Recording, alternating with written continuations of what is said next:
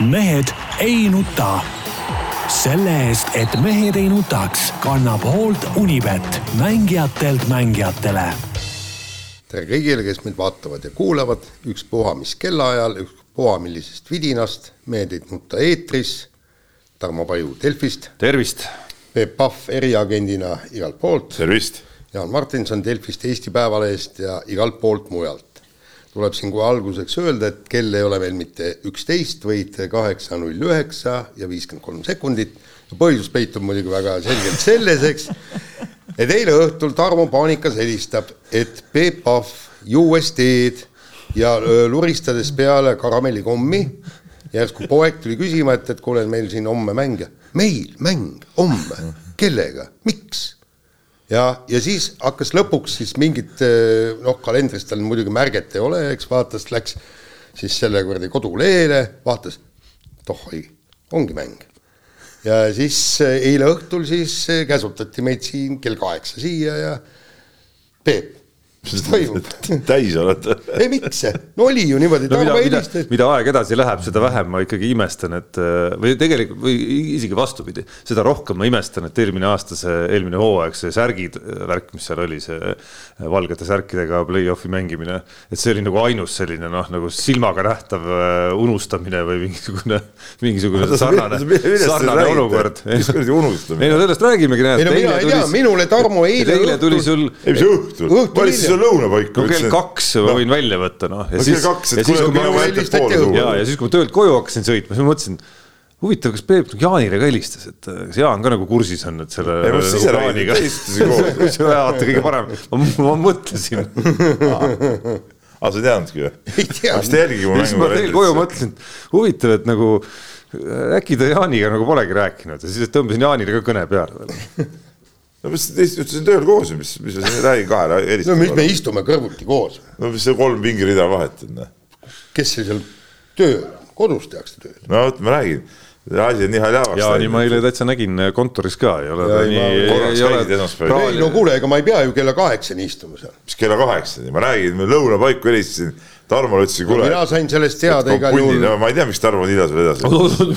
nüüd hakkab veel mind ka täielik geenius, selle asemel, et võtta siin nagu natukene tuhka pähe ka raputada. mis tuhka, mingit tuhka ei ole siin ja ta ütles, mis ma pidin ise sulle helistama, kas sa ei osanud ise kalendrist vaadata? no vot, vot, vot, vot jah. no väga hea. ei no aga isegi vara tegelikult noh. Oleks võinud äh, täna hommikul kell kaheksa oleks võinud kõnet tulla meile, et kuule, kus olete? kell seitse, kell seitse kõnet. tunni aja pärast seal stuudios. miks mitte, ei mul on, mul on. nii, ärge. ei no ega ei, no suurte isade värk ikkagi. no ei muidugi. ega mis me siin. ega ma ei jõua mingit. no mis meie Jaan. prügiteemasid siin meeles pidada. mis meie siin oleme, mis kell on, mäng, mingi, mingi stuudio, mingid värgid, noh. noh kes me oleme, me pole, me ei ole isegi mingid staarid ega mitte midagi, ei ole tänavapostidele meie pilte kleebitud, no mitte midagi, noh. no nii on. noh, ja vann. paha lugu. et tuleb ikka aru anda nagu oma kohast päikese all, Jaan, meil. absoluutselt, nii, on südamel ka kellelgi midagi või? südamel, südamel on äh,, aga eile, eile kui ma pärast Jaanile kõne tegemist tõmbasin Peebule ka korra kõne, et kinnitada, et ikka nagu saade toimub ja muud osalised, kes on vajalikud, et meie saade siin kell kaheksa saaks salvestatud, on ka ikkagi äh, õnnestunud siia kohale saada. kus ma ütlesin sulle, et helista mulle kohe, kui asi klaar, sa helistasid mulle õhtul hilja. vaata, kus sul hakkab korraldusi veel, kohe kusjuures et siis, siis ma juba, siis ma Peebule juba jagasin ka, ma olen seda siin vist juba kaks talve, ma arvan, äh, rääkinud, aga noh, tuleb, häid inimesi tuleb kiita ikkagi, no midagi ei ole öelda. Keil Keila suusarajad teevad silmad ette ikkagi noh, okei okay,, ma ei taha nagu öelda, et nagu kuskil on et siin häid suusaradu veel ei ole, aga noh, see, mida seal Raido Notton Keilas teeb, on ikka vägev. laupäeval jõudsin esimest korda sel hooajal siis sinna ka ja, ja noh, tõesti nagu süda, süda hõiskab, kui, kui, kui seal sõidad. mis meenutas mulle, et ma suusarajal mõtlesin ühe tänukõne veel välja, see on Kõrvemaa Äh, Kõrvemaa suusakeskuses on äh, see väikene nii-öelda boksikene seal, kus saab suuski rentida ja seal on suusamäärijad. ja ühesõnaga, äh, kui ma eelmisel kevadel või talvel oma viimasel suusaringil käisin, siis ma siis ma lasin seal ka suusad ära määrida, noh, sinna need suusad jäid must pärast seda noh, nii-öelda mitte, mitte sinna hoiule reaalselt, aga ütleme noh, pärast seda ma neid suuski puutunud ei ole, enne kui ma nüüd uuel hooajal võtsin need välja. ja siis sealsamas Keila suusarajal ma tundsin, tundsin, kuidas seesama eelmise, eelmise aasta viimane määrimine, kus siis Kõrvemaa üheksateist kilomeetrit oli all, pluss, pluss veel reedest mingi viiekas kuskil siin Jüris et see lippas Keila rajal kõige kiiremini üldse, nii et kiitused ka Kõrvemaa määrdemeistrile oot-oot, nüüd ma tahan kohe küsida, oli see pul-, ei, oli see pulber määre või? jaa, fluor määre või? no vot, mulle ma saan öelda ausalt, ma ei tea.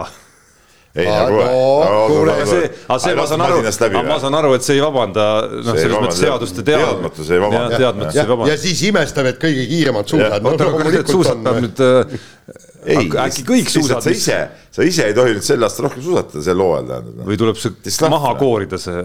see tagurpidi ära põletada need suusad, lõkkesse. jah no, see... aga, aga, aga Raidat võiks küll kiita ja et, et noh, ma seal näen teda päris tihti, mõnikord pistab pea minu kontora ukse vahelt ka sisse ja, ja, ja, ja räägime juttu ja, ja ma pean häbi punapalge peal tunnistama, pole ise sellest suusarajale jõudnudki veel.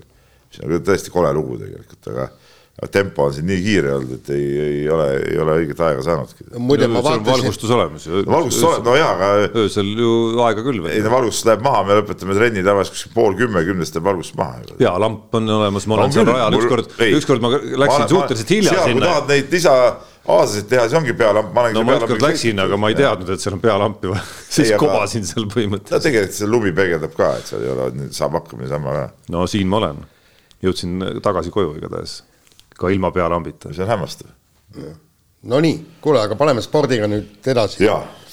et äh, toimusid lühiraja Euroopa meistrivõistlused ja voilaa. ujumises. ujumises jah, ja Eneli Jefimova oma lemmikdistantsil äh, saja meetri rinnuli ujumises üsna kindel kuld ja, ja kusjuures võimsa lõpuga, eks, viimase kahekümne meetriga. päris kindel sa nüüd ei olnud, et see lõpp no ta ikka oli, no ta ikka, ikkagi oli, noh, ütleme niimoodi, et, et äh, oleks võinud veelgi pingutada, kui oleks tahtnud, aga no tähendab, võttis kulla ära ja siis viiekümnes meetris, mis kahjuks ei ole olümpiadistants, tuli hõbe.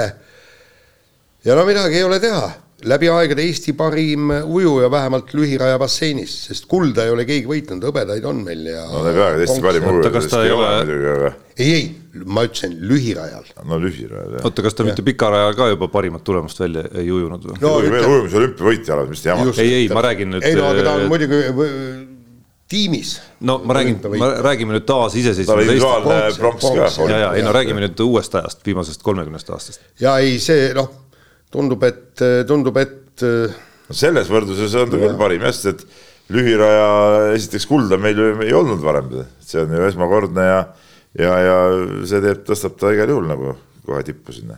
ja, ja teine asi on ikkagi see, et, et noh, et need rekordid purunevad ja ma vaatan siia teemadesse oli pandud, et noh, et mida see lühirada tähendab ja kõik, et mis, kui hea ta on pikal rajal, ta-ta-ta, kõik muud niisugused asjad, mis tõesti tõstatavad küsimusi aga üks asi mind äh, muidugi noh, okei okay,, ei hämmasta, aga teeb äh, kindlasti rõõmu, on see, et äh, koostöötreener Henri Heinaga toob sedavõrd head tulemust ja mitte et medaleid võib-olla isegi, sest ta ju eelmisel lühirajal sai hõbeda.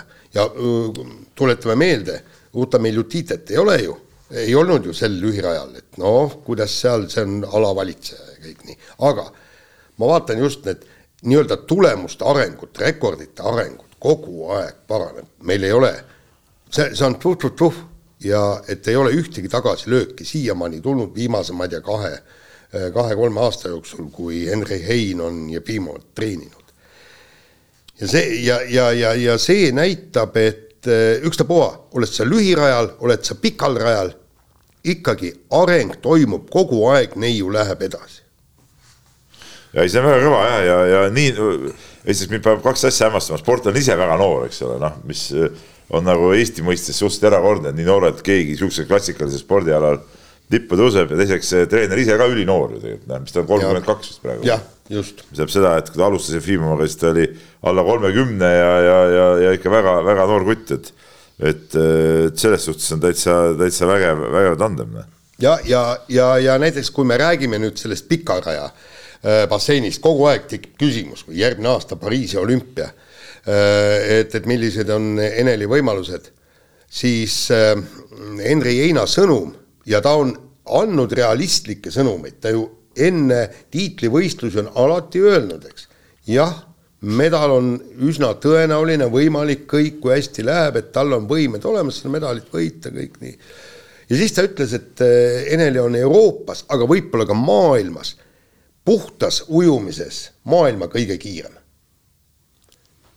ehk siis, kui me paneme nüüd selle lüli... päris niiviisi sõnastada, maailma kõige kiirem. ei, e, see on Henri Heina sõnum. ei, ma ütlen ta niimoodi, kas ta niimoodi ütles minu arust sõna maailmas, ta ütleb, et nagu kiire. defineeri, defineerige puhas ujumine. ei, puhas ujumine. ilma nende pöörete ja asjadeta, noh. no ma ei tea, noh, ta kaotas ikkagi maailmameistrivõistlustel Meljutitele peaaegu kaks sekundit, et noh, kas see nagu päris, päris ütleme, sellist ajalist kaotust saad nagu ainult pöörde pealt ja vettehüppe pealt, ma ei ole kindel selles. no aga võib-olla tänaseks on see vahe muidugi väiksemaks läinud tema ja, ja Meljutite vahel. kui sa vaatad, kui ta poole sekundi kaupa võtab neid Eesti rekordeid, eks, siis paneme nüüd selle sõnumi pikaraja konteksti ja pikas rajas ongi just neid pöördeid ja asju vähem, eks. ja, ja hea küll, ta ei pruugi olla maailma kiirem, eks. Aga, aga, aga mine sa tea. olümpial, no ütleme, finaali võiks ju isegi püüda tead. mis finaali, kui ta maailmameistrivõistlustel oli ju finaalis no,. ma räägin, finaali võiks püüda. ei, tea, teate. ma arvan, et see ei ole see, hetkel nende jaoks noh, nagu eesmärkide seadmisel ma ei ole kindel, kas see on nagu sisuliselt neile siiski nagu see põhiline ambitsioon täna enam. tõsi, jah, üks asi on, mida nad välja ütlevad ja, ja teine asi on, et Ene-Li Jefimova kuskil intervjuus vist on öelnud, et kui hakatakse seda olümpiamedali juttu ajama, siis pigem ajab nagu närvi, aga noh, kolmandaks ma loen välja ikkagi, et ta vist ei lase liiga palju ka morjendada ennast sellest. kuigi noh, olümpial on pinged vähe, vähe nagu teist laadi ikkagi kui, kui ükskõik millisel MM-il. noh, aga ta on olümpial käinud juba, eks, vot see on suur pluss et Tokyo olümpial on käinud ja vaata, kui me räägime sellest, et noh, et mis jutt see on, kogemuste ei no see kogemuste jutt on õige, no selles suhtes muidugi. jah, täpselt, et need kogemused äh, peavad saama ja kui Pariisi läheb, tal on juba teada kõik, mis seal olümpiakuljas toimub, kõik noh, tema jaoks ei no seda midagi... küll, aga no ära, ära nüüd Jaan jälle sa laskud sinna niisugusesse eufooria valdkonda, et et ega siis seda medalit niimoodi kaela riputada ka ei saa, no see on ka nagu selge. ei, ei, keegi ei riputa no,. Ei, on ka temal tulnud ju suurtel võistlustel ka ebaõnnestunud ujumisi ette nagu üksikuid. No, üksikuid. ei, asi ei ole selles, et me tahaks ebaõnnestuda, ma räägin seda, et mis see reaalne, ütleme, mingid eh, kogu maailma need eh, tipud kokku panna, noh, ega siis see päris nii ei ole, arvestades sellega, et olümpiaks vajavad kõik ennast absoluutses tippvormi, et, et kui ta oli MM-il finaalis, siis mina arvan, et mina ütlen nii, et kui ta olümpial jõuab finaali, siis see on juba eh, väga hea tulemus no ütleme niimoodi, et, et, et praegu on nüüd kaheksa paremulas, jah, otsustavad kaheksa äh, või seitse kuud. MM-ist nad loobuvad veebruarikuus, Doha MM.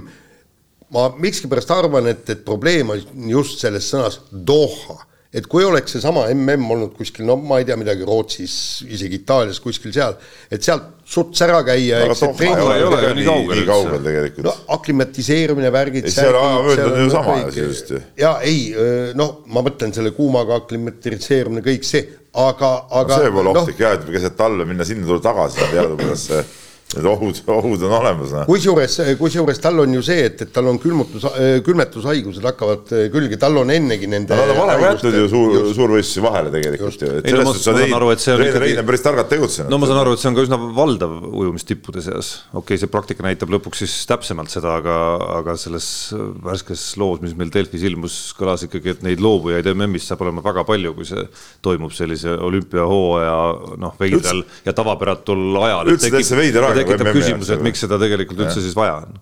seda MM-i seal, aga noh, see ei ole meie probleem. just, ja, ja nüüd on seitse kuud, kuidas toimub ettevalmistus, kuivõrd palju ta areneb, kuidas noh, oma, oma tõesti va vaimu üleval hoiab, kuidas ta oma tervisega hakkama saab, kõik, kõik need ja seal, seal on tõesti, asi on ju täiesti noh, nii-öelda pisi-pisi-pisi detailides kõik kinni ja, ja ega, ega me tulemust enne ei saagi teada ju kui Pariisis kõik see, mis enne, noh, seal ta kindlasti ujub veel mõningaid võistlusi ja võib-olla püstitab mõned no, rekordid. loomulikult, ega ta ei lähe otse siis nüüd otse olümpiale ei lähe, loomulikult ujub veel mingi. ja, ja ei, aga ma ütlen, et, et ka need tulemused ei anna mingisugust kindlust, et ta võiks seal olümpial kas medalit võita või, või, või finaali pääseda. no need tulemused annavad sellisele minusugusele asjatundmatule jälgijale vähemalt nagu selle tunde, et kui ta maailmameistrivõistlustel tänavu jäi siis medalist kuskil, see oli alla poole sekundi, eks jäi tal ju medalist puudu, kui ta kuuenda koha sai. et noh, siis tänaseks võiks eeldada, et ta on oma arengus selle pool sekundit justkui nagu tasa teinud, on ju. et aga noh, see kõik on selline asjatundmatu lihtne näppudel matemaatika enam-vähem, kui sa nagu lihtsalt jälgid enam-vähem. aga kuidas sa nüüd asjatundmatuna tuled siia saatesse? no ma ei ole kindel, et sa siin selles vallas ise liiga palju parem nii? oled. kuidas nii, me teame ikka täpselt kõike.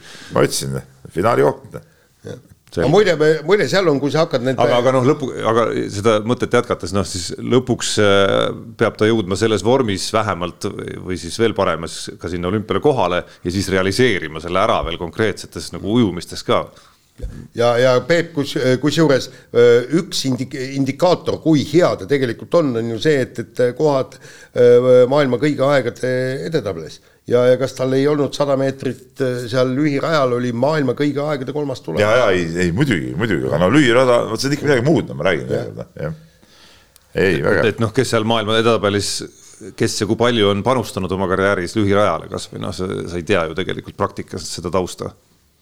no jah, noh. aga kuigi jah, see edetabeli koht, see näitab teid isegi võib-olla rohkem kui see ühe konkreetse võistluse äh, ütleme medal no veel rohkem. see tähendab seda, et keegi sellel distantsil kiiremini pole väga palju ujunud. ja no veel rohkem ma ütleks, näitab ikkagi see tema enda nagu ajaline areng ikkagi, mis toimus, noh, ta ujub just ta ei ujunud esimest korda, ei hüpanud välja ja ei hakanud ujuma esimest korda lühirada, on ju. et, et noh, see ajaline edasiminek, mis oli seal kohati ikkagi nagu nii hüppeline, et pani teda ennast seal, kui ta seal finišis eh, silmi kissitades tulemust otsis, pani ennast nagu üllatuma, et noh, see, ma arvan, on see kõige kindlam lakmus sellest, et, et edasiminek on toimunud. jah, ja mille peale Enrein ütleb, et tal on veel arenguruumi küll ja veel. no nii on jah nii, aga me räägime Eneli Jefimovast äh, siin päris palju selles samas saatelõigus ka olümpiamängude kontekstis ja, ja olümpiamängude äh, teema juurde läheme me ka järgmisena.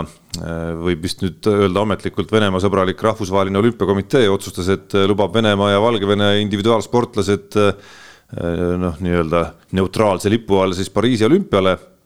Ja küsimus on, kuidas see asi nüüd siis noh, küsimusi on palju, kuidas see asi nüüd nii kaugele siis jõudis ikkagi ja, ja mis saab nüüd edasi, et, et kas ja kui palju neid nüüd aina päev päevaga aina rohkem tundub, et väga selgelt ka meie vabadust ja iseseisvust ohustava Venemaa sportlased, palju neid sinna tegelikult jõuab ja, ja kuidas siis muu maailm eesotsas meiega peaks käituma?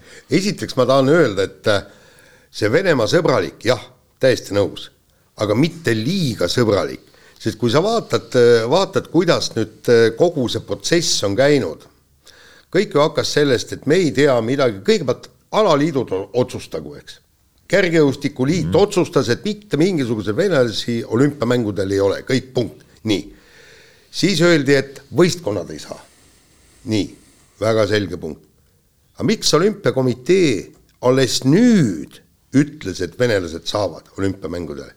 Nüüd, kui praktiliselt pooled olümpiakohad on välja jagatud, võta kas või kõik need paganama noh, need, kus MM-idel jagatakse suur hulk kohti välja no. tegelikult jääb neil ikkagi piisav võimalus ja. nende igast valikturniiride, valikvõistluste kaudu sinna jõuda. Noh. jah aga, aga mitte, mitte liiga palju, ma saan aru, nad tahavad olla Venemaaga sõbrad, aga, aga nad vaatavad ka natukene teist poolt ja ega tegelikult sellega, et nad nii hilja selle välja ütlesid, nad ikka kärbivad kogu seda seltskonda päris oluliselt. rohkem kärbib minu arust see, et seal olid ju, ju muud muud tingimused ka, et a la, et tohi relvajõududesse oh. ja sinna, ei no mis, no nad on enamus ju relvajõudude sportlased. no see, just, seda ma neid on olnud siin üksikutel aladel ka ja neid relvajõudude sportlasi on jõudnud nendel aladel, kes on siis nagu läbi noh, kes on otsustanud erinevalt kergejõustikust, et, et nad lasevad Venemaa sportlased osalema, on jõudnud sinna võistlema küll, et noh, selle kasvõi vormistamine noh, ei ole nagu liiga keeruline.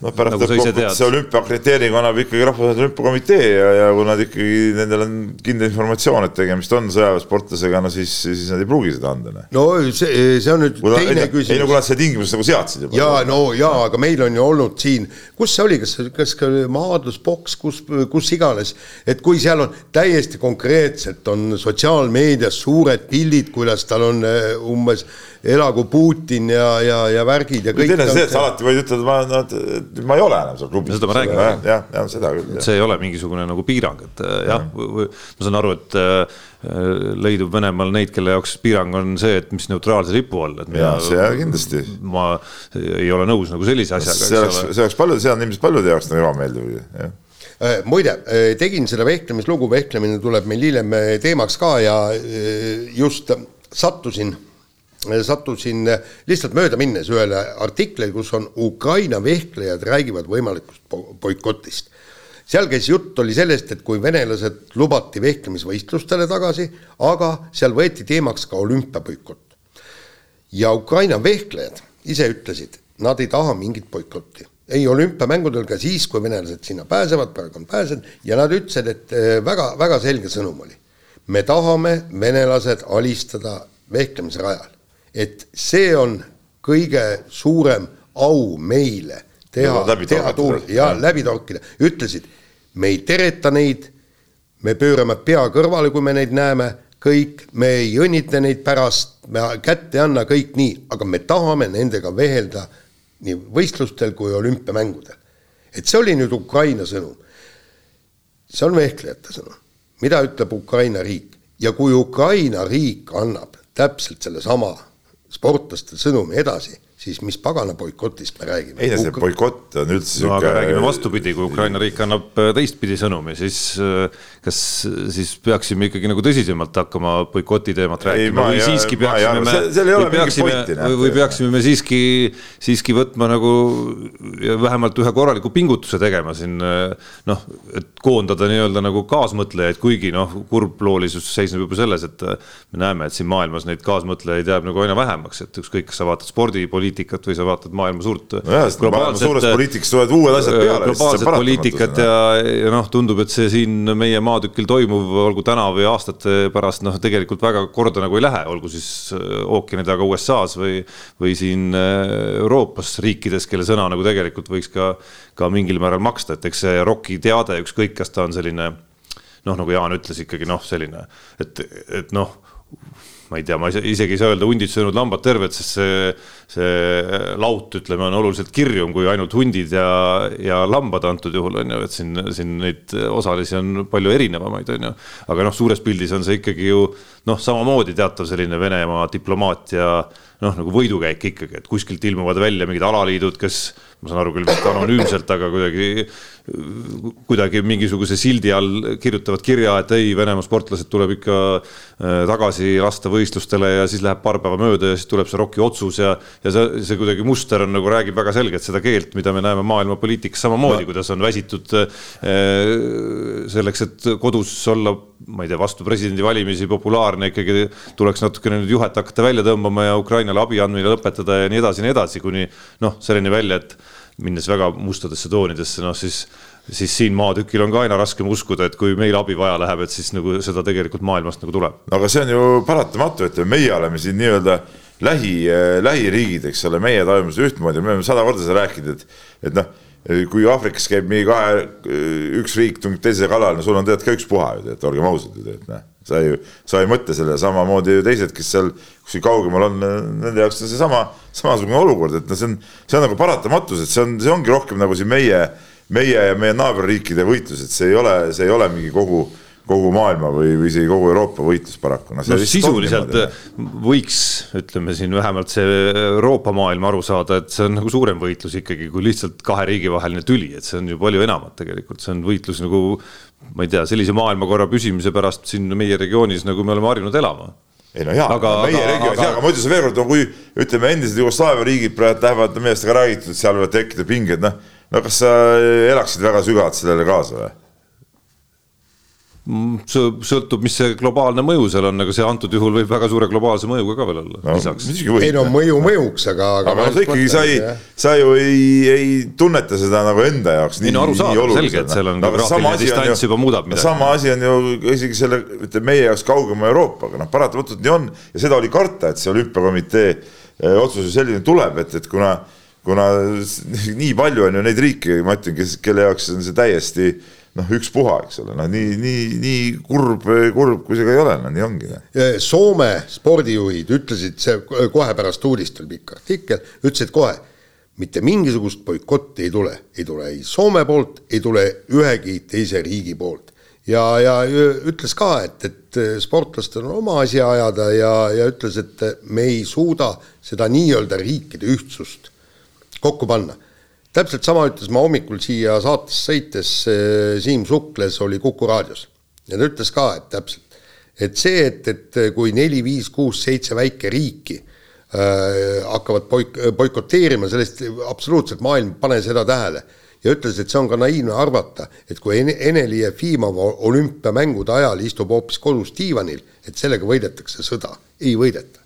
no küsimus ei ole ju ainult sõja võitmises, vaid noh, küsimus on ka lõpuks äh noh, kuidas ma ütlen, mingis mõttes see on, ma saan aru, debati koht on ju, kas see, kuidas ja kelle jaoks, aga noh, küsimus on ka nagu enda jaoks noh, nii-öelda nagu ma ei tea, moraalselt õige otsuse nagu tegemises on ju, et äh, noh, mis ei ole üheselt vastatav, et, et kuidas, kuidas selleni siis jõuda ja mis see nagu õige siis on ja kumb see õige on. kas mõelda, kas mõelda nii nagu. mingid suured sõnad, mõttetu jutt. on muidugi suured sõnad ja ma ei, me ei tea elu sees siin keegi laua taga, kuidas me ise käituksime, kui me oleksime lihtsalt sportlane, sportlasel individuaalselt noh, nii-öelda nagu oma sisetunde pealt on võimalik ka teha see, on võimalik ka see boikoti otsus teha. sa oleksid boikoti poolt, tahad ütelda või? Äh, ma ei tea seda, ma ei ole selles olukorras. loogiline, et sa ei ole seal. noh, näiteks äh, selline mees nagu Nauris Miesis, kelle nimi ütleb sulle, Peep, midagi.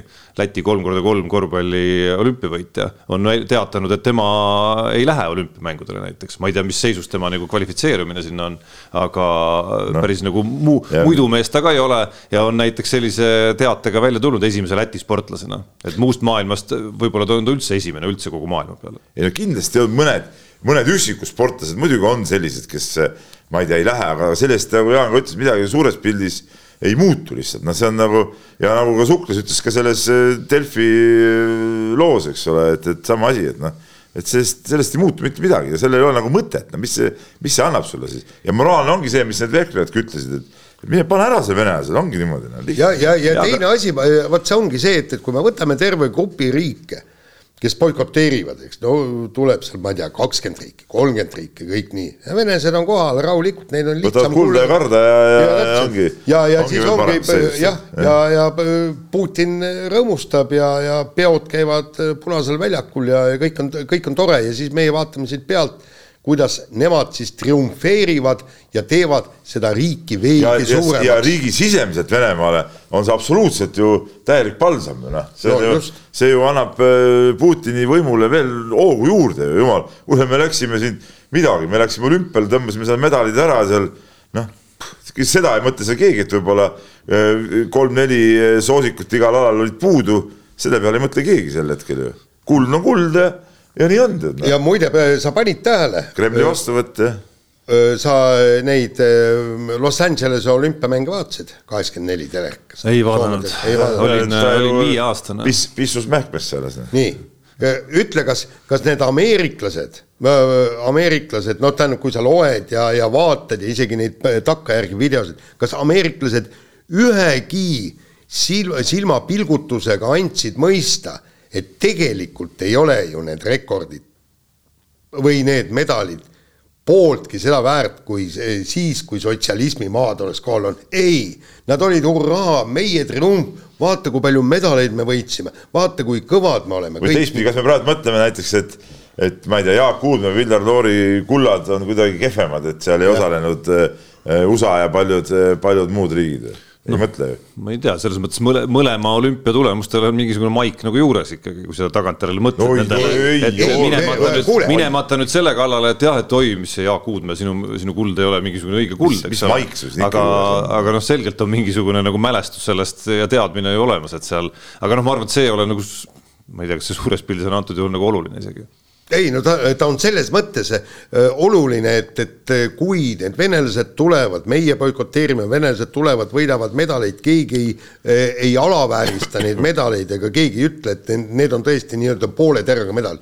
soomlastel on ju vasareit olümpiakuld Los Angelesest. kui venelased oleks sinna peale läinud, milline lootus oleks tal olnud olümpiakulda võtta? tulemusega seitsekümmend kaheksa kopikatega. null jaa, aga noh, ma ütlen, kuskil on mingisugune nagu äh, teine variant, võttes sellesama Nauris Miesis siis antud juhul nagu näiteks on ju, et, et noh, oletame, et maailmas lähevadki asjad aina hullemaks ja hullemaks, et, et ühel hetkel saab vaadata sirge seljaga, et mina selles asjas ei osalenud, mina nende nii-öelda noh, ütleme siis minu tapjatega ei nagu ühist mängu ei mänginud, kogu lugu nojah, eks see siis noh, ma ütlen, see resultaati nagu ei ole sellel asjal. ja, ja tegelikult. minu mõte see, et seal ei ole nagu resultaati. ei no resultaati kardetavasti ei ole sellel, sellel põhjusel, mida Siim Sukles ütles samas intervjuus, mida sa mainisid siin, kuna mingisugust kvoorumit kardetavasti. no muidugi ei saa no,, lihtsalt ei teki ja kogu lugu. ja, ja, ja see, ja see, ja see on masendav muidugi. minu meelest on selge, tähendab ühesõnaga, kui ei saada kokku nii suurt kampa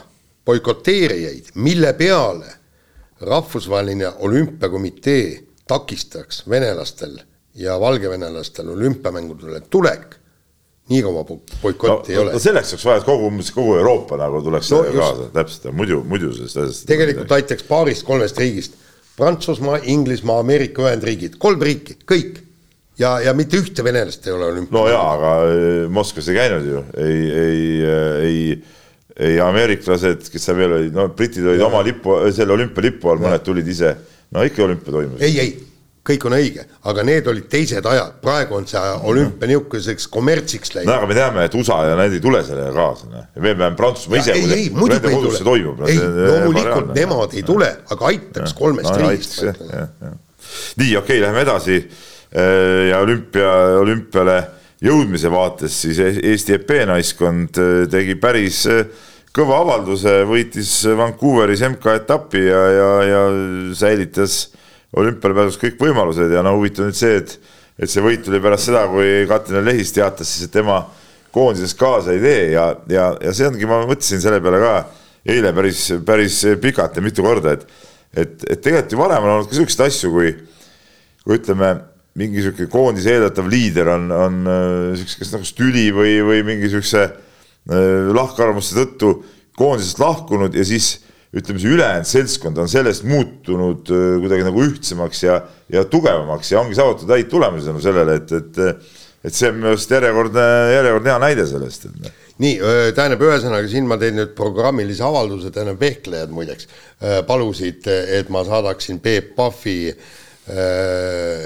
uruauku ja, ja põhimõtteliselt ma neid sõnu ei saa kõiki kasutada, meie saade pannakse kinni roppuste pärast ja põhjusel, et sa hakkasid rääkima mingisugust täielikku jura, eks, et käsu korras need tüdrukud pidid sinna paberile äh, allkirja kirjutama, kus nad ütlesid, et äh, et nad äh, austavad Katrin Aleise sedasamust arvamust, et ta tiim ei tule ja võitlevad nüüd ilma lehiseta rahulikult edasi. ühesõnaga, kahjuks nad on seal paganama Äh, Vancouveris, aga tagasi tulles nad lubasid selle kirja originaali koos originaalallkirjadega äh, sulle kinkida. väga tore.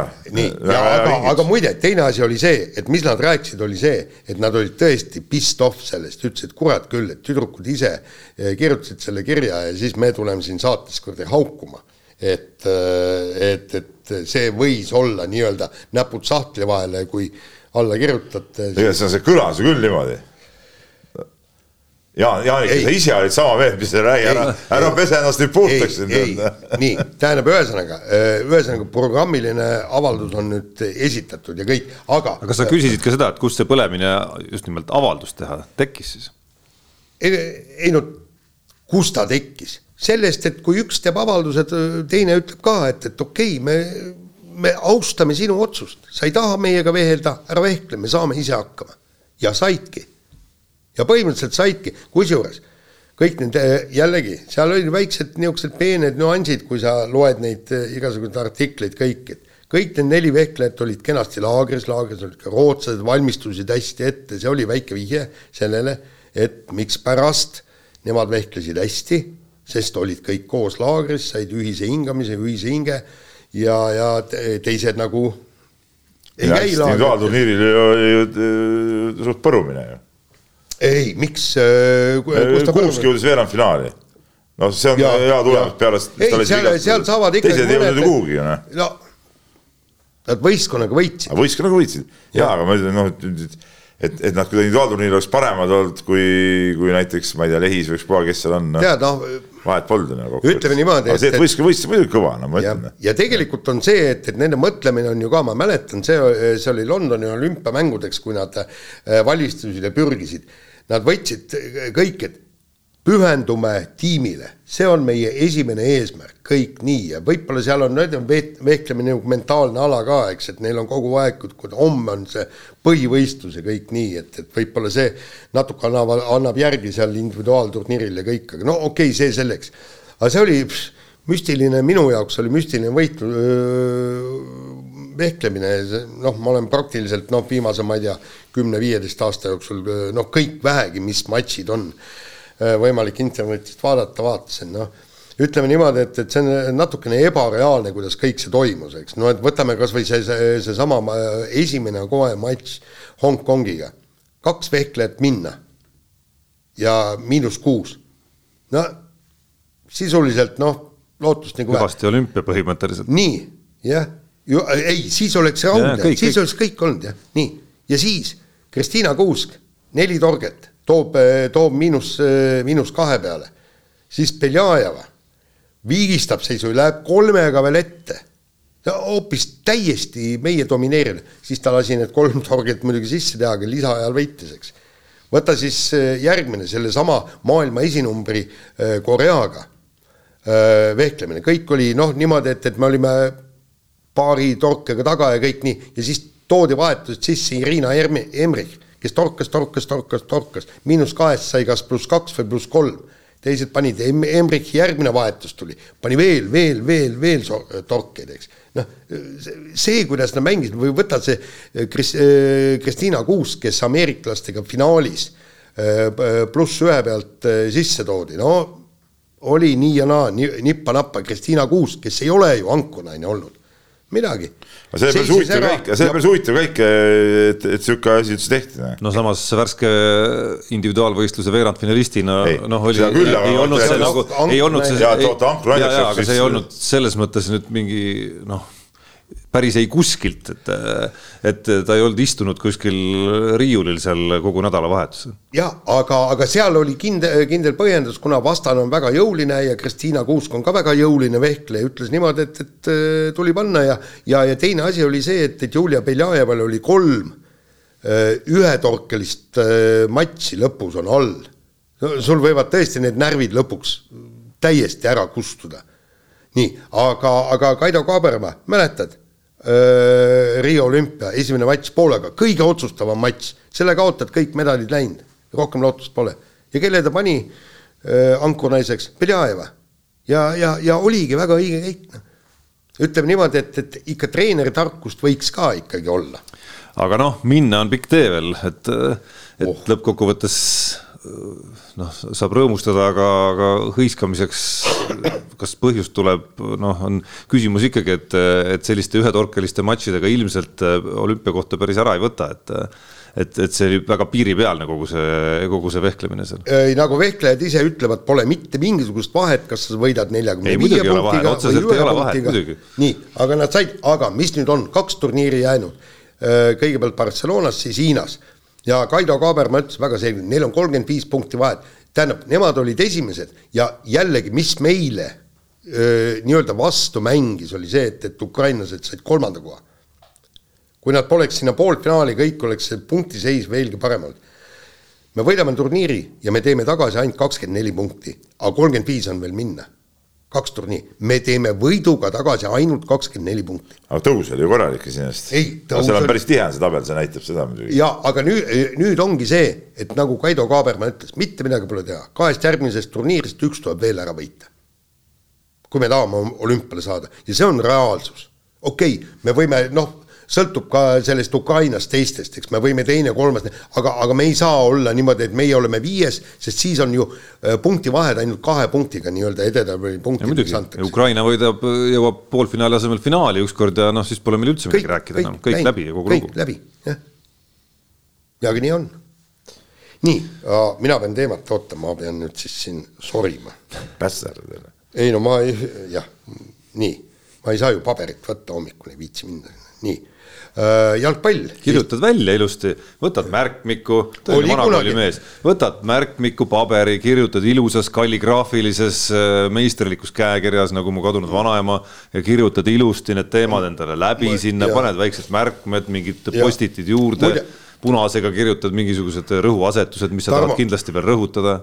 Tarmo, kas sa oled käsitsi kirjutanud artikleid? mina olen Uh, vist olen ikkagi, jõudsin, äh, mul on tunne, et ma jõudsin jah, mingis komandeeringus. ma olen faksiga, ole... ma olen isegi faksiga saatnud, käisin kirjutanud teksti. ma ei julge pead anda. aga vist olen, vist olen. vist, vist ühes esimeses komandeeringus, kui ma, kui ma õigesti mäletan, käisin käsipalluritega Soomes, ma see oli ka see, et sa ju ilusti valmis telefoni teel lugesid ette. lugesid ette, seda tuli ette lugeda vahel, kui ei olnud võimalik saata seda faksi teel. küll olen ma käsitsi kirjutatud artikleid sisse pidanud lööma toimetuses äh, noore jogana. et, äh, et mingi mälestus mul sellest on olemas, nii et. Äh, et tähendab, mul kõige tähendab, kuidas omal ajal ma mõtlen, et see spordiajakirjanike elu on täielik lill, ma mäletan, kui ma Sporditäht hakkas ilmuma siis, siis ma tegin sinna vabakutselise ajakirjanikuna üsna palju, palju äh, artikleid ja pikad artiklid, niisugune kakskümmend tuhat tähemärki, mingi kaheksa lehekülge, kõik niimoodi.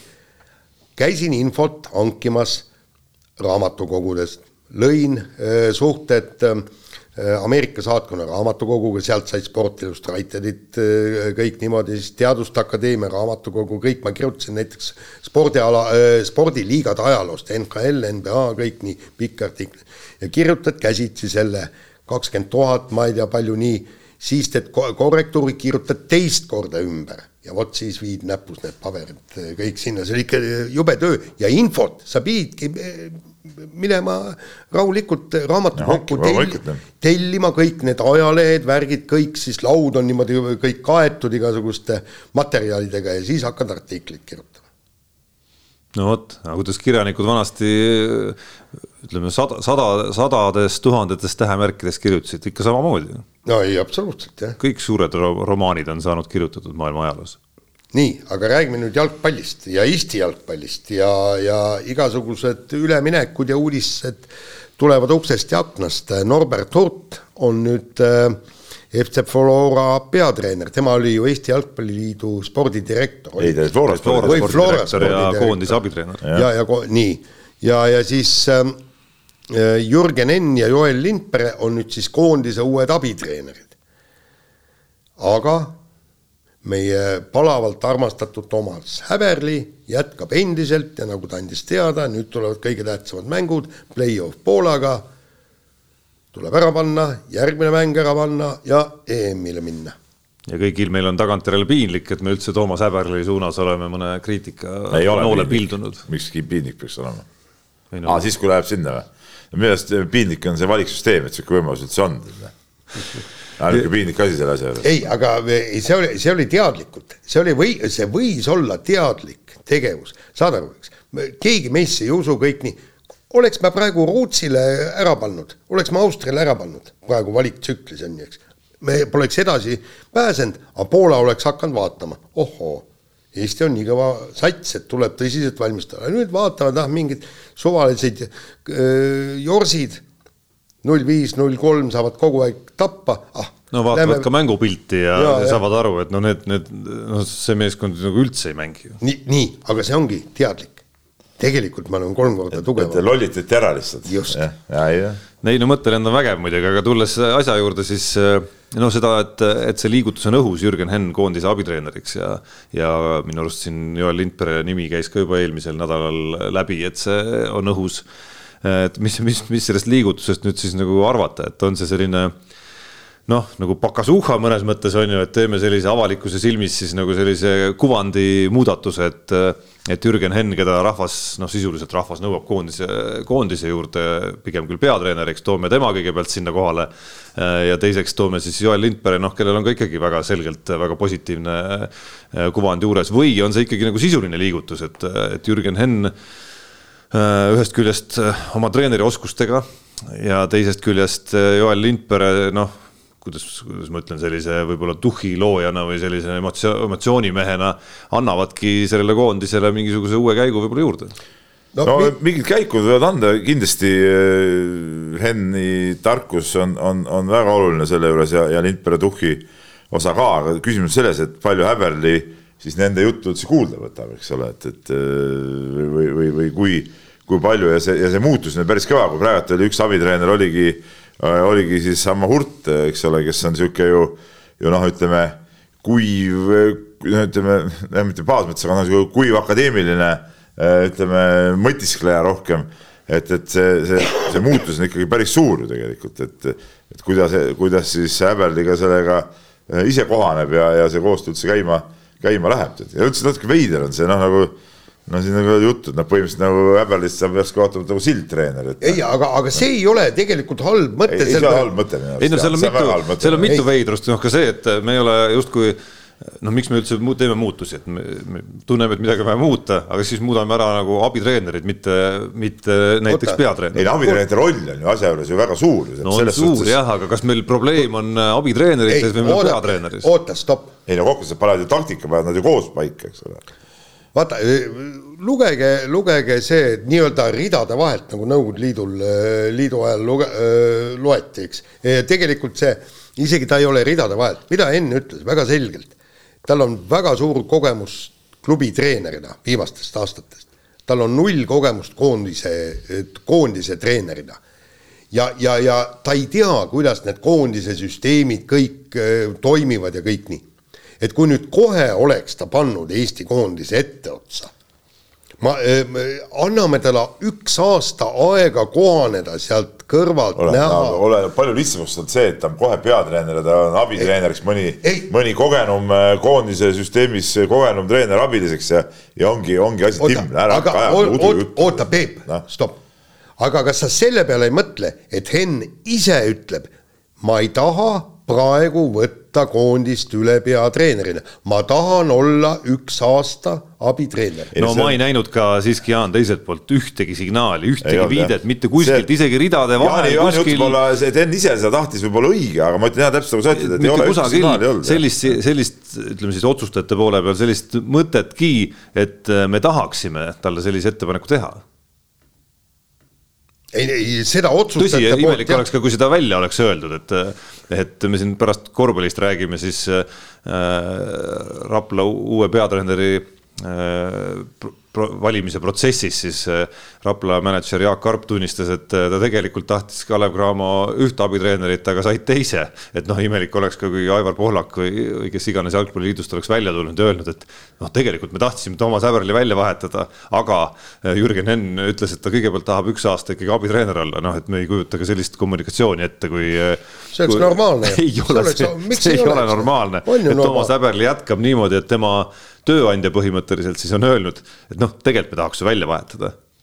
me nägime jälle Kostust paralleeli tuues, nägime, mismoodi see lõppes äh, seal äh, Victoria Baskoonias, kus tahetigi ja see sai avalikuks ja see asi lõppes kuu ajaga ära põhimõtteliselt. see, see treener oli oma, treener oli selle võistkonna noh, ikkagi mõnes mõttes lõplikult ära kaotanud. vaata, oota, mis paganama mis paganama film see, see oli üks, üks väga hea pesapallifilm, Kevin Costner oli peaosas. ja seal oli nii, et Kevin Costner, vana, vanane mängija, kutsuti sellepärast, et äh, nii, me maksame sulle palk, toome sulle siia selleks, et sa selle noore mängija üles kasvataks. sul on nii palju aega, et ta siis suudaks sinna äh,, sinna, sinna nii-öelda suurliigasse viia. et, et et ma ei tea, Häberlile võib-olla ei öelda, aga võib-olla on see palvele antud.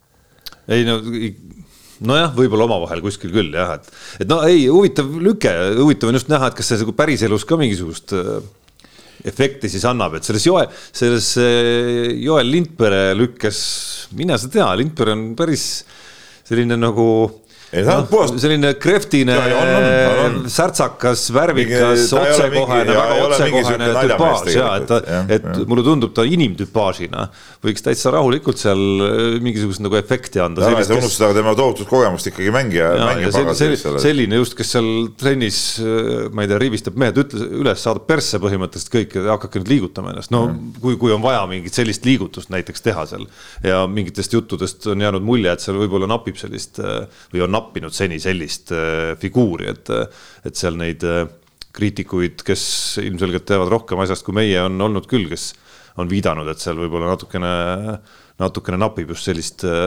särtsu, ütleme siis. muide, see film oli Bull Durham, mul tuli meelde, see tuleks vaadata, aga äh, kiirelt lõpetuseks, Norbert Tutt, ta on ju olnud Flora peatreener. isegi meistriks on viinud no, no, FC Flora. et teine, põhimõtteliselt teine tulemine, aga olgem ausad, need saapad, kuhu astuda, on päris suured, siiski. ei no kokkuvõttes ta oli ju Enni ülemus siiamaani jaa, et väga huvitav, no üldse nagu müütiline tegevus äh, pisut ja. Eesti jalgpallis, kui kuulata erinevaid saateid ja, ja lugeda erinevaid artikleid, mis Eesti jalgpallist on kirjutatud, siis justkui, justkui niiditõmbaja number kaks, ütleme siis ja. Eesti jalgpallis on jäänud kohati mulje. selles mõttes on väga äge tundmata teda isiklikult äh, äge lugeda, et tal tekkis treeneri kihk tagasi ja, ja, ja küpses ikkagi suhteliselt oma karjääri mõttes nagu suur otsus. no jaa, aga ta on ikka noor mees. ei, absoluutselt jaa, aga ta, ta oma karjääriga oli alates sellest hetkest, kui ta, kui ta treeneri ameti maha pani, oli ta liikunud ikkagi sellises tänapäeva moodsas moodsas ametinimetuste keeles siis äh, spordidirektori nii-öelda nagu karjääri mööda. ja, aga üldiselt, kui sa vaatad, kes on no, Eesti jalgpallil mingid spordidirektorid, kõik on nagu ikkagi äh, treeneri algega endised mängumehed, noh, et, et või, või, või siis kõvad, kõvad treenerid siuksed, et see on nagu loogiline minu arust spordidirektori ja peatreeneri vahe ei olegi nagu väga suur oma olemuselt noh no.. ütleme, ütleme korvpallis spordidirektor tihtipeale see, kes tegeleb hoopis mingite sponsorite ja asjadega, aga jalgpallis on ju spordidirektor tegelebki üldjuhul ikkagi selle spordi poolega, mida see nimetus spordidirektor ka tähendab. mina olen sellest küll niimoodi aru saanud no,. kui sa kuulad, kas Gerd Kamps on. tegeleb ju sportlike asjadega no,, ta ei tegele sponsoritega, ma olen aru saanud. nii palju, kui ma seda podcast'i kuulan, mina olen küll aru saanud, tema tegeleb just ju selle mängulise poolega, nii nagu Kink oli Levadia spordidirektor, tegeles mängulise poolega ju jah, noh, raske öelda, lõpuni ei tea, aga mulle tundub, et noh, tervikuna on see vastutus ikkagi hoopis teistsugune kui see reaalne treeningprotsess. ei, seda küll, aga ütleme, need on kõik siuksed mehed, kes selle treeningprotsessiga väga hästi hakkama saaksid. nii, kas laseme kõlli? laseme kõlli Jaan on segaduses selle. sina oled protokolliga, ole vakka, kella nii palju ei ole siin aega. ei, aga ma vaatan, et siin oli ka viimast. sel ajal, kui sa siin äh, saate eel käisid. Äh, kohvimasinat seal vägistamas, mida, mille, millega sa hakkama ei saanud. kuulajatele ka, Jaan üritas täna hommiku jooksul kolm korda äh, siit stuudioköögi kohvinurgast masinast kohvi välja võluda aga no põleb seal üks mingi tuluke ja jah, ja. ei, absoluutselt, ma olen, ma, ma olen tehnika debiilik, ütleme niimoodi. sel ajal, sel ajal äh, isegi see Ragin kostis meile siia stuudiosse kohale sealt kuskilt koridori teisest otsast äh, kolme kinnise ukse vahel. sel ajal me tegime Peebuga väikese salapakti siin, mis ah,, okay. mis, mis ütles, et selle teema lükkasime me järgmisse saatesse, kus okay. on, kus ta on, kus ta on ajakohasem isegi, selline okay., selline väike salapära siia juurde. paneme edasi, kiire vahemäng, mulle tundub ka ei pruugi väga kiire olla täna. No kõigepealt räägime rallist ja Hyundai'st, et tegelikult aru ei saa natukene, mis to toimub Hyundai's. mis, mis sul see arusaamatu on? nii kolm meest jagavad ühte autot ja Suninen, kes palgati eelmine aasta pika lepinguga Hyundai'sse, sai põhimõtteliselt kinga. ehk siis praegu on nüüd äh, Esa-Pekka Lappi, Andreas Mikkelsen ja Taani Sordo. no aga sa tahad ütelda, et Mikkelsen on kehvem mees kui Suninen? ei, ma ei ütle seda ma ei ütle seda, aga, aga minu jaoks minu arust see, et Mikkelson sai WRC-st tagasi, oli väga õige samm. ma küsin vastupidi, kas ta on parem raske ütelda, tulemused ma pakun välja, tulemuste poolest ta on parem olnud, Mikkelson. tähendab. okei okay,, ta sõitis omal ajal ka selles Volkswageniga mm, -hmm. sõitis minu arust Volkswageniga. ja, ja, ja, ja ta on ju MM-sarjas teine olnud. ja, ja, ja, ta on selles tulemuste poolest ta on olnud ikkagi ju tugevam, noh nii, aga mul tekib küsimus, kolm meest jagavad ühte autot. see on jura minu arust. vot see on jura minu jaoks eh, ka, sellepärast et sa oled rallimees, sa pead kuidagi see kogu aeg peab olema käsi soojas ja, ja, ja, ja kõik muu. no aga me oleme rääkinud, et mehed varsti... ise tahavadki sõita niimoodi. varsti on, varsti on kolmteist. kahe peale varsti... auto, üks sõidab kaheksa, teine seitse rallit, aga kui sul on kolme peale. see on viis, viis, viis umbes no absoluutselt. ja seal oli kirjas ju, et, et äh, Lappi sõidab siis talverallid ja kiired kruusarallid Sordo äh, ütleme aeglased kruusarallid ja, ja Mikkelson oli asfaldi peal vist. ja, jah ja., aga, aga no, no ei ole see. ei, see ei ole see, ma olen nõus sellega, see on ju, see on ju kolm, kolm venda on kohe ütleme hooaja punktitabelis nagu sisuliselt nagu mängust väljas, näe. et noh, et see on nagu, see on jama jah, sellega ma olen nõus, et see on jama, aga see, et, et Mikkelson võeti ja, ja, ja, ja, ja see sunnine jääb välja. No seal ma mingit nii suurt imet ei, ei näe, kuigi kui sunnil oli nagu leping, siis loomulikult äh, selles mõttes noh, on, on nagu kummaline, aga, aga, aga et iseenesest äh, Mikkelson saab sõita, on nagu okei. Okay.. ja, ja aga muidugi see leping ei taganud muidugi midagi, eks ma, ma ise loodan, et ta hakkab sõitma nüüd vähemalt R2-ga.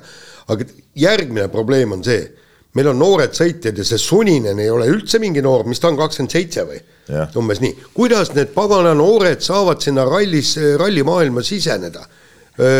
selle Rally1 autodega sõitma hakata kui me kõik nad minema peksame, meil on kõik on kuradi kolmekümne pluss aastased tuli ju, täna oli ju see uudis ka, et, et äh, Solberg hakkab nüüd ikkagi sõitma ka ralli, Toyota Rally2-ga, eks ole. no just, meil on kõik. päris sarja nagu ei tule.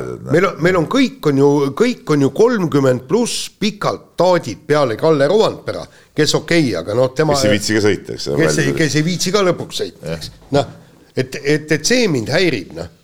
Et seal, seal ju. aga mis see kolmkümmend pluss äh, meeste vastu on? ei, mul ei ole, aga ma tahan teada äh, jällegi. küpsete meeste spordiala. kuule, ühel hetkel paneb kogu see kamp pillid kotti. Ma, ma... see võib juhtuda, tõsist elust rääkides, see võib juhtuda tead ühe-kahe aastaga et, et kogu see seltskond kaob nagu ära korraga. noh, pluss rääkides, rääkides mingist saatest oli siin jutuks, et mida WRC peaks tegema, et olla populaarsem noh, kui me mõtleme, et peaks uusi auditooriumeid, uusi sihtrühmi kõnetama, sealhulgas võiks ja mida vormel üks on teinud viimastel aastatel eriti hästi, kõnetada ka nooremat sihtrühma, siis selleks, et neid kõnetada, peab sul ka nooremaid sõitjaid olema. et Kalle Rovanpera-sugune noor kaob sul ära ja asemel on siis praegu kolmkümmend pluss plejaad põhimõtteliselt yeah kuigi ma ei saa, kuigi ma ei saa, siinkohal ma pean märkima, ma ei saa aru, millega see vorm, vormel üks neid noori köidab sellega, et, et üks mees seal ees äh, rullib ja absoluutselt sportlikku pinget pole või? köidab eelkõige, köidab eelkõige selle vägeva sisuga, mida nad genereerivad oma Netflixi, kuidas ei ole, Netflixi doksarjad, kõik, kõik siuksed asjad. mis see doksari siia puutub? et võistlus on lõpuks see, kuhu siis hardcore fänn jõuab, kui ta on nende liigutustega saadud asja vastu huvi tundma. ei, aga seal ju puhutakse ka kõiki neid asju no üles. teevad. huvitavat ju midagi ei ole ju, mitte midagi huvitavat ei ole ju. ei, seda küll mitte, aga, aga kui ma, kui ma loen neid eh, noh, nii-öelda erialaportaalide niisuguseid artikleid ja kõik nii, ja seal on mingisugune meeletult pikk artikkel, kuidas lõpuks mingisugune jorss suutis kogu aeg pani üheksateistkümnes, elu parim koht seitsmeteistkümnes ja nüüd järsku kaheteistkümnes, peaaegu punkti kohal. et kui vingelt, pikad intervjuud, kuidas sul see õnnestus, kõik nii no andke andeks no.. nojah, me vaatame siin niimoodi, ma olen oma poisi käest ka küsinud, kes, kes on, tunneb huvi selle vastu, et no ei ole ju midagi vaadata, üks paneb kalendriga ära teistele. ei no aga ma ei tea, kolmanda koha peale käis päris huvitav võistlus noh. no, no näed, et hästi tehtud töö, midagi ei ole öelda lihtsalt nendelt, kes äh, vormel ühe sarjale on sellise elu sisse puhunud ja, ja suutnud noh, tekitada põnevust siis lõpuks ka selle ümber, et mingi üheksateistkümnenda koha mees äkitselt oli, ma ei tea, kümnes näiteks. et tuleb müts maha võtta. no noh, ja no okei okay,, keda huvitab. WRC ei huvitagi kedagi, noh. Ja huvitab aina vähem, kui tulles tagasi selle jutu juurde, kui sinna jäävad siis need kännud sõitma ainult ja kolm no,, sisuliselt kolme piloodi vahel käib siis hooajavõistlus. seda sa ei saa, no seal ei, seal käib ainult ühe vahel no vähemalt arvestuses on äh, siiski ei, neid sada korda rohkem. aga võistlus, võistlus käib iseendaga. aga see, et ralli kedagi ei huvita, see ka muidugi tõele ei vasta, et kui sa ikka lähed äh, mõnedes kohtades, kui lähed rallile kohale, siis rahvamassid on ikka meeletud. Ja, aga suures pildis võistlus vormel ühega on siiski noh no, nagu sääski elevant. vormel üht etappe on ka mingi sada seitsekümmend viis tükki hooaja jooksul muidugi. nii, aga okei okay,, lähme edasi. Äh, läheme edasi, kas neljanda võimu vägi või lihtsalt juhtus nii Äh, võrkpalliliit otsustas siiski, et rahvuskoondis pannakse, meeste rahvuskoondis pannakse siis järgmisel suvel kuldliigas välja. Nagu tõsi, seal oli juures ka üks väga huvitav kommentaar Alar Rikbergilt, kes, kes siis ütles, heitis nagu ette Jaanile, et eh, umbes väga ei tohiks ikka ennatlikult eh, kritiseerima hakata, mis, mis pani mul isegi kulmu kergitama, kes ma see oli väga segane jutt selles mõttes, et see oli võrkpalliliit ise, kes teatas, et nad ei osale, et mis kriitikaga oleks pidanud ootama siis ära järgmise suve, kui nad päriselt ka ei osale. see oli täitsa segane jutt, sellepärast et võrkpalliliit teadis kõigepealt, et nad ei osale. Rikberg ütles, et ei, mina oleks küll tahtnud, et nad osalevad. tema oli põhiline kritiseerija. täpselt. Ja siis Jaan tegi selle põhjal loo ja siis Jaan oli süüdi, täitsa segi läinud. ei, aga äkki see oli peen enesekriitika Rikbergil? ei, ma, ma ka ei saanud aru, lugesin ka seda ja selle peale oli öeldud, et Rikberg ütleb, ega miks sa mulle ei helistanud, et oleks, mu telefoninumber on olemas, helistada. su laused kõik on ju absoluutselt pikalt kirjas ja mitte ainult meil, vaid mitmes väljaandes ja, ja igal pool. mida ma helistan, kas sa oleksid mulle öelnud midagi muud?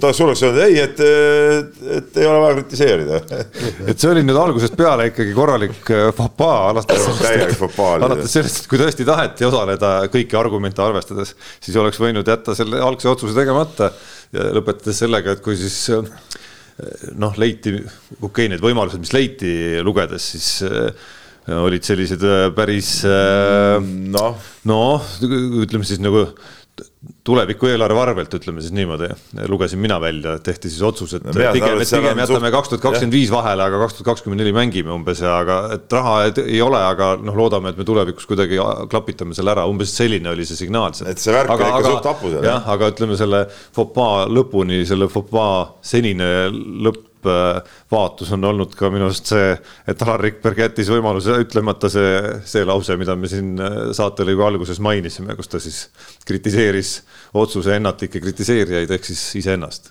jah, aga, aga ma ütlen kiirelt, et mis mind natukene häiris, oli see, et, et, et, et kui tuli see alaliidu otsus ja siis see Rikbergi otsus ja võrkpalliajakirjanikud, mingit, mingit reaktsiooni, ta.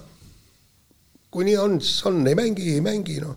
ongi meil vähem suvel sõitmist ja kõik nii et andke andeks, mina ei ole võrkpalliajakirjanik, mina panin äh, lihtsalt kaks, äh, kaks niisugust äh, intervjuud panin, äh, panin kokku ja mind see häiris.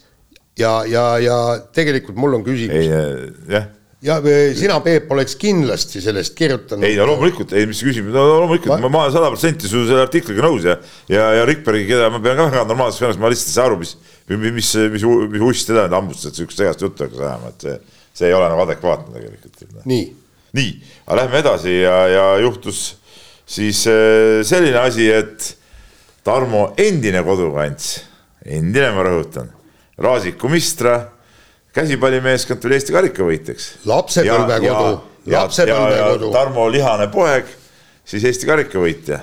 palju õnne. ei no aplaus, ei muidugi vägev ja, ja, ja veel kord, Peep sünnikoht, sünnikodu. jah, jah ja. ja., aga ta on reetnud selle koha. sünnikoht on siiski Tallinna ametlikult. no jaa, okei okay,, aga, aga sa oled. haigla, haigla asus ikkagi Tallinnas. sa oled ikkagi reetnud selle, nii et selles suhtes sul nagu ei ole õigust väga siin, väga siin hõisata ja rõõmustada. Kuule, aga tegelikult, kui sa võtad, kui mingisugune Aruküla võidab Eesti karika. ei, Raasiku.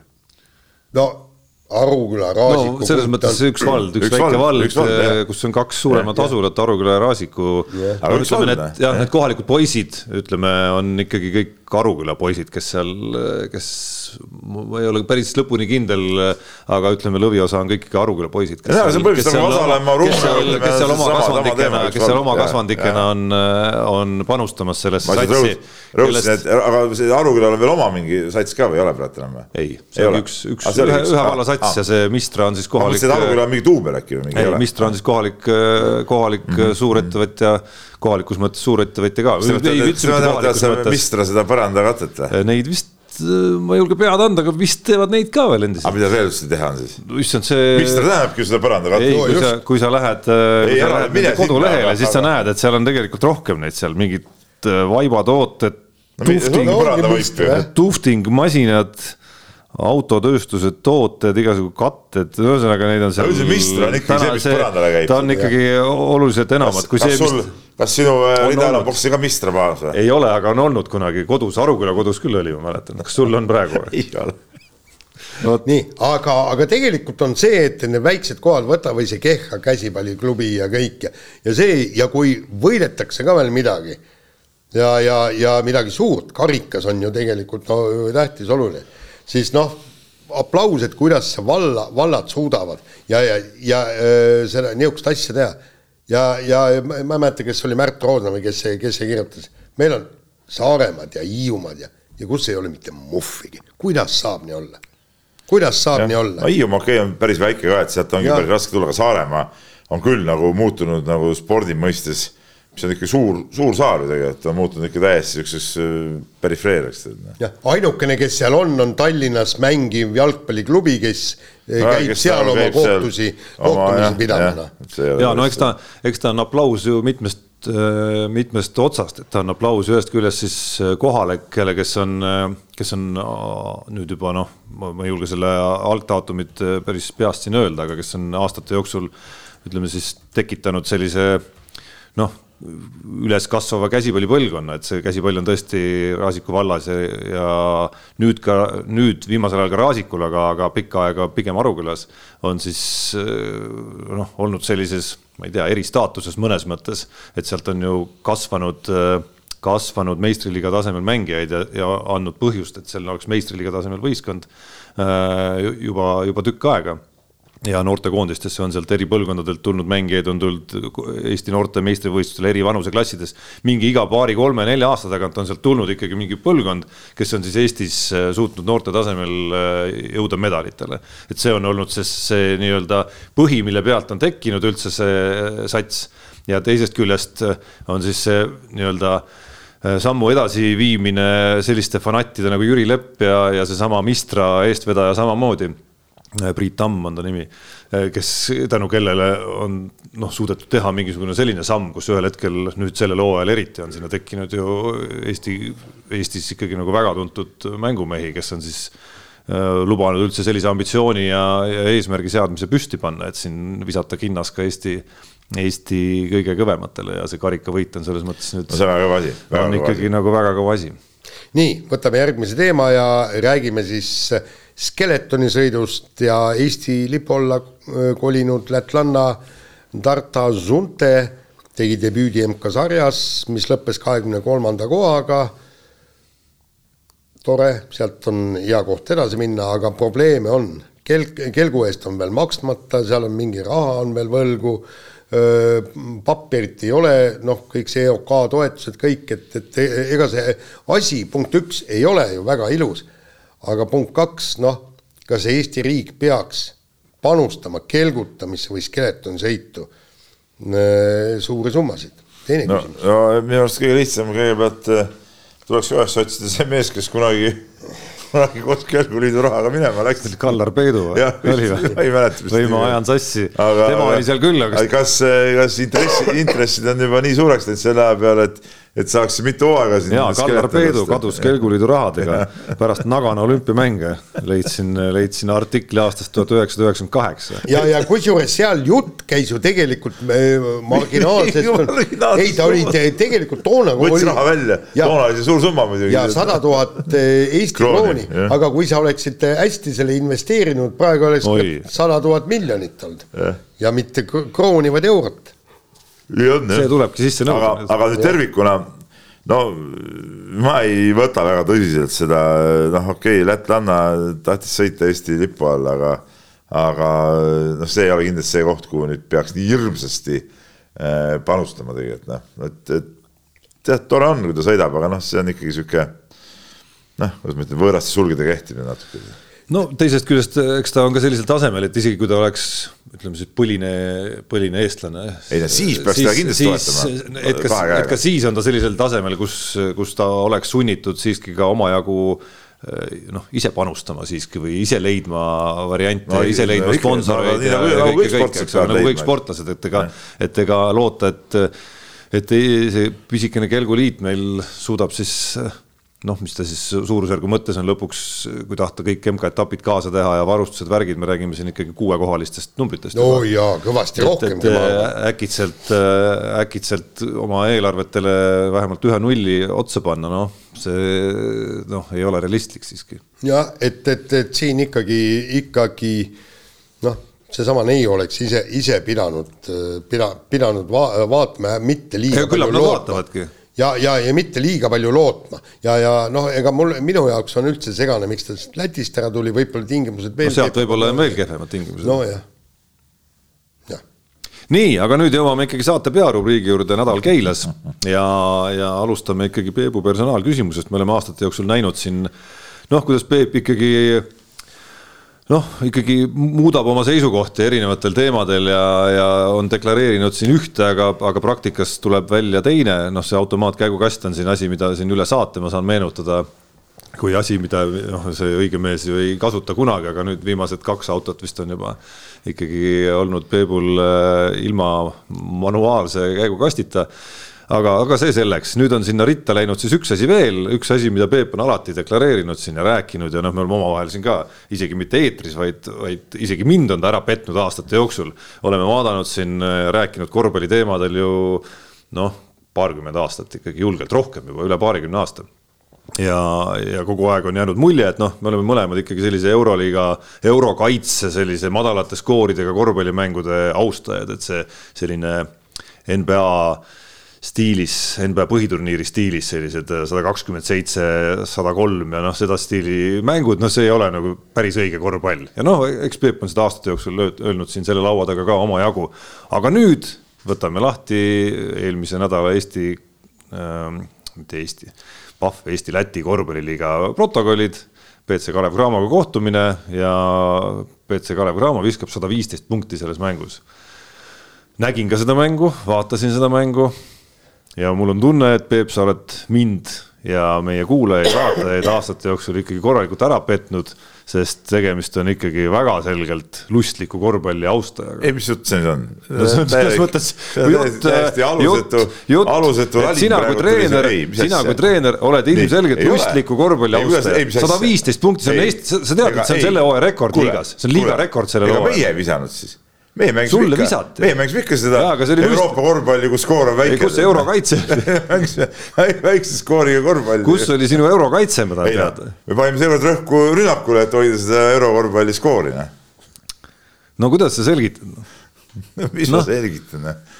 no oled petnud no, meid. lihtsalt vahest juhtub niimoodi, noh. et sa tegelikult ikkagi oled äh, nii-öelda nagu kaitse kaitseaust. no me ei ole seda asja seal kaitses kuidagi nagu saanud niisuguseks, nagu me tahame, ma ei tea nagu. kus on kaitse? no kus on no, nurga taga ei no eks me oleme sellega tegelenud ja, ja, ja vaadanud, aga kuidagi jah, ei ole hästi, ei ole hästi sellega olnud jah. kust siis käris? mis sa tõesti arvad, et jõle mõnus on seista seal pingi ees, kui sada viisteist punni pannakse. ei no lõbus korvpall võib olla lõbus, täna lõbu... kaotan, mis see, palju te viskasite? no me, ma ei mäletagi, me kaotasime suurelt, me kaotasime mingi neljakümne punktiga selle mängu. no aga seal on vahe, suurelt on kaotada, kas noh, oletame äh, viiskümmend, seitsekümmend või sada, sada nelikümmend. no on ja, võimalik mängida ja, kahte vahet, moodi korvpalli. vahet ei ole, üks. tundub, et üks, sa oled ikkagi selle sada, sada nelikümmend suunas. Äh, üks sitt kõik, ma ütlen, noh, et, et noh, nii on, no ei olnud hea mäng, no oli paha mäng, mis teha nii, aga nädal Keilas rubriigis äh, tegelikult tahtsin puudutada teist teemat ka, mis siin korraks käis läbi juba. Äh, ehk siis Rapla peatreeneri vahetus. Äh, lahkus peatreener Arnel Tedic ja asemele BC Kalev Cramost Brett Nõmm. kuna Rapla noh, väga selgelt on Keila üks põhikonkurente liigas, võtame tabelis ju ka lahti, hetkel Keilast tagapool. kahe võidu kaugusel. just, siis kas äh, juba on jalg värisemas, et sealt hakkab nüüd uus tõus. no ei, kas nüüd värisemas, mul on hea meel, esiteks mul on hea meel, et Eesti mees jälle Eesti klubi etteotsa. ja, ja, ja Brett noore mehena kindlasti väga lahe, et saab, saab sellise võimaluse ja, ja noh, mina seda välist, nagu tead, välistreenerite asja ei hinda nagu ja, ja minu arust see oli eh, noh, ma ei tea, siin teise klubi mängumaale minna, aga minu arust see oli täiesti jama, ütleme siin välistreeneritega siin proovida puterdada mitu aastat, et et, et äh, Eesti mees on eesotsas ja, ja, ja kindlasti on see meie jaoks, äh, kuidas ma ütlen, nagu kahjulik, meil on nüüd see reede nendega mäng. uus treener teadupärast toob alati siukest kasvõi, kasvõi korrakski mingit uut hingamist või, või sellist äh, uut emotsiooni, noh Tartu vastu see mäng tuli võib-olla liiga kiiresti peale ja kuigi mängiti ju tegelikult täitsa, täitsa hästi, aga ütleme nüüd reedeks nad jõuavad juba kindlasti seal omi asju kõvasti muuta, esiteks meil on raske, raske mängule vastu minna, sest et äh, me ei tea, mida nad tegema hakkavad. ja, ja, ja teine asi ongi see emotsionaalne pool, eks ole, et noh, meil midagi lihtsat siin küll ei ole. aga mäng on kus? meil kodus, reedel. ei noh, mida meil tegema hakkab? meil on hästi tihe graafik endal praegu ka käsil ja meil ei ole siin nagu väga palju, kuidas ma ütlen, äh, valmistumisvõimalusi ka, et eks me oleme muidugi selle tiheda graafiku endale ise tekitanud, aga aga kokkuvõttes, nagu ma eile trennis meestele ütlesin, et kui tahate olla praegu tulevikus profikorvpallurid, siis, äh, siis peate sellega, sellega harjuma ja, ja, ja niimoodi asjad käivadki, et seda mul käib ikkagi vanameister, legend Üllar Kerde käib ka trennides vahepeal seal abiks ja, ja, ja temaga rääkisime just, just sama juttu enne seda, et, et, et nii on nii, ma võin sulle öelda, mida vastased tegema tulevad, nad üritavad visata palli teie korvi Läbi ja, ja, ja, ja, ja teevad kõik selleks, et teie selle palli no, korvi ei saaks. Ja, ja, aga ise ütled, et ma ei tea, mida nad tegema tulevad. no Peep saab nüüd minna siit ikkagi otse ju, sellepärast me seda saadet salvestamegi, et, et Peep saaks minna hommikuse trenni jõuda ja nüüd ta saab värske, nüüd sa saad värske info, värske informatsiooniga minna. soovitan nüüd tempot tõsta. laseme kõlli Unibetis saab tasuta vaadata aastas enam kui viiekümne tuhande mängu otseülekannet. seda isegi mobiilis ja tahvelarvutis. Unibet, mängijatelt mängijatele. Nonii minul paigalseis äh, meie Unibeti võistluses kaks panust Euroliiga Kossule, üks võitis, teine kaotas ja, nulliring põhimõtteliselt, nii et no, püsin ma..., püsin paigal. mina te... tegin ühe tennise panuse, aga tennise, ei, vabandust, lauatennise panuse vahepeal ka. ikka Tšehhi jaa. aga ei, ei, ma tegin pärast eelmist saadet. aga no ei ole mul siin hästi läinud viimasel ajal. Noh. no. et kaotuse, kaotuse siin, kaotuse jada on, ütleme niimoodi. ja no ma tegin ühe kaotuse, ühe panuse, millega kaotasin, teise kaot-, panuse, millega võitsin, no natukene rohkem võitsin, mul on nüüd mingi kolmsada kuuskümmend eurot. aga vehklemine võttis mult võimaluse teha, minna jackpot'i peale. nii? no põhimõtteliselt ma pidin seda vehklemist vaatama ja samal ajal oli Ameerika jalgpalli tähendab lõpp, on ju, eks, no seal oli, no see tüüpiline seis, eks, et et, et kaks minutit mängida, meeskond kaotusseisus, omab palli, koefitsient väga hea kui tema peale panna, eks. ja, ja, ja seal oli see, et, et ma ei saanud seda, tähendab, ühesõnaga, kuna mul pilk pidi olema vehklemise peal, siis ma, siis ma ei saanud seda Ameerika alla, jalgpallipilti ette võtta ja asjasse süveneda, sellepärast ma tegin väikse panuse. aga mul oli mõte, ma olin nii kindel, et sealt tuleb ära ja mõtlesin, et, et panen noh, kas või kogu selle papi sinna sisse, seal oli koefitsient üle kolme ja, ja tuligi ära, noh, tähendab täpselt see, mida ma teadsin, ennustasin, aga mul oli vaja seda pilti. aga seda kahjuks ei olnud ja ma olen ise ka südamest kahju, et nii läks, aga, aga paraku noh, nii on. aga selle jutu taustal ma raalisin välja ideaalse, ideaalse pakkumisega ka selleks, et, et Unibet võiks ühe mehed ei nuta eripanuse täna ikkagi kähku käiku lasta ja ja noh, see peaks Peep olema ju noh, kindel lubadus meie kuulajatele-vaatajatele, ehk siis äh, ma pakuks, et Keila pluss seitse koma viis äh, Tartu vastu, noh, peaks nagu bänker olema ju. noh, kui sa nii ütled. ei no ma ootan sinult seda ei, nagu kinnitust. minul ei ole siin midagi kinnitada no.. mina lähen ja me lähme ja, ja mängime. kas Keila võit kolm koma viis või Keila pluss seitse koma viis punkti, kumb on nagu parem panus ikkagi? No ma ei tea, vaatame seda ajalugu. nii? mis nii? see on kõik, vaadake ajalugu. ajaloos te olete kaotanud ka neile ikkagi. põhiturniiril mitte kunagi. ahah, okei okay. no siis ikkagi, siis ikkagi tuleks see eripanus panna selle Keila võidu peale, ma tunne. no jah, muidugi tasub panna ikka, pane raha ka, pane päris raha ka, Tarmo nagu äh, ütleme siis nagu mängukontole lisaks veel, et äh, lähen kuskile loon endale ja. päris konto ka ja. üle, üle pikkade aastate. nii, kuule, aga võtame kiirelt kirjad. nii, läheb siis äh, tellimusteele ikkagi nagu mitte ei hakka mingi seitsme koma viiega sinna kandama no,. võit, läheb ikka võidu peale. ja Peep lubas nii nagu see Kämbu meile kunagi lubas ööbida seal kuskil Lääne-Virumaa metsade vahel taluõuel. Tervitused Kämbule. John ka lubas enne Leepaja välismängu, et nad pole viis aastat Leepajas võitnud, et nüüd, nüüd tuleb võit Läks nagu alati, nii võtame kirjad ja Peeter kirjutab ja ma siin pean kahe käega nõustuma ja seepärast ma võtan selle kirja ette ka.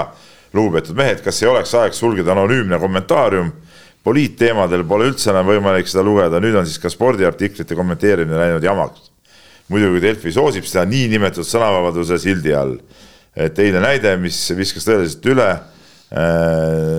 noh, siis ta on siin näide, kus Jaani kohta seal kirjutati igast asju, eks ole Polnud ju, okei okay,. panin ka sobimatu, aga seisab siiani. kui sisusse vaadata, siis mis seal nüüd nii, nii hullu oli selles lauses? võta arvu, kas sa oled lollakas ei, ei no kuule, kui sa nagu sisusse süvened selles lauses no ei ole ju midagi, see, et ma kasutan sõna äh, sitt, ei tee seda siis otseselt ju sobivaks. aga, aga põhimõtteliselt, põhimõtteliselt, kui ma vastan sisuliselt sellele, siis, siis eks see äh, noh, eks see suund sinnapoole selgelt on, et, et see.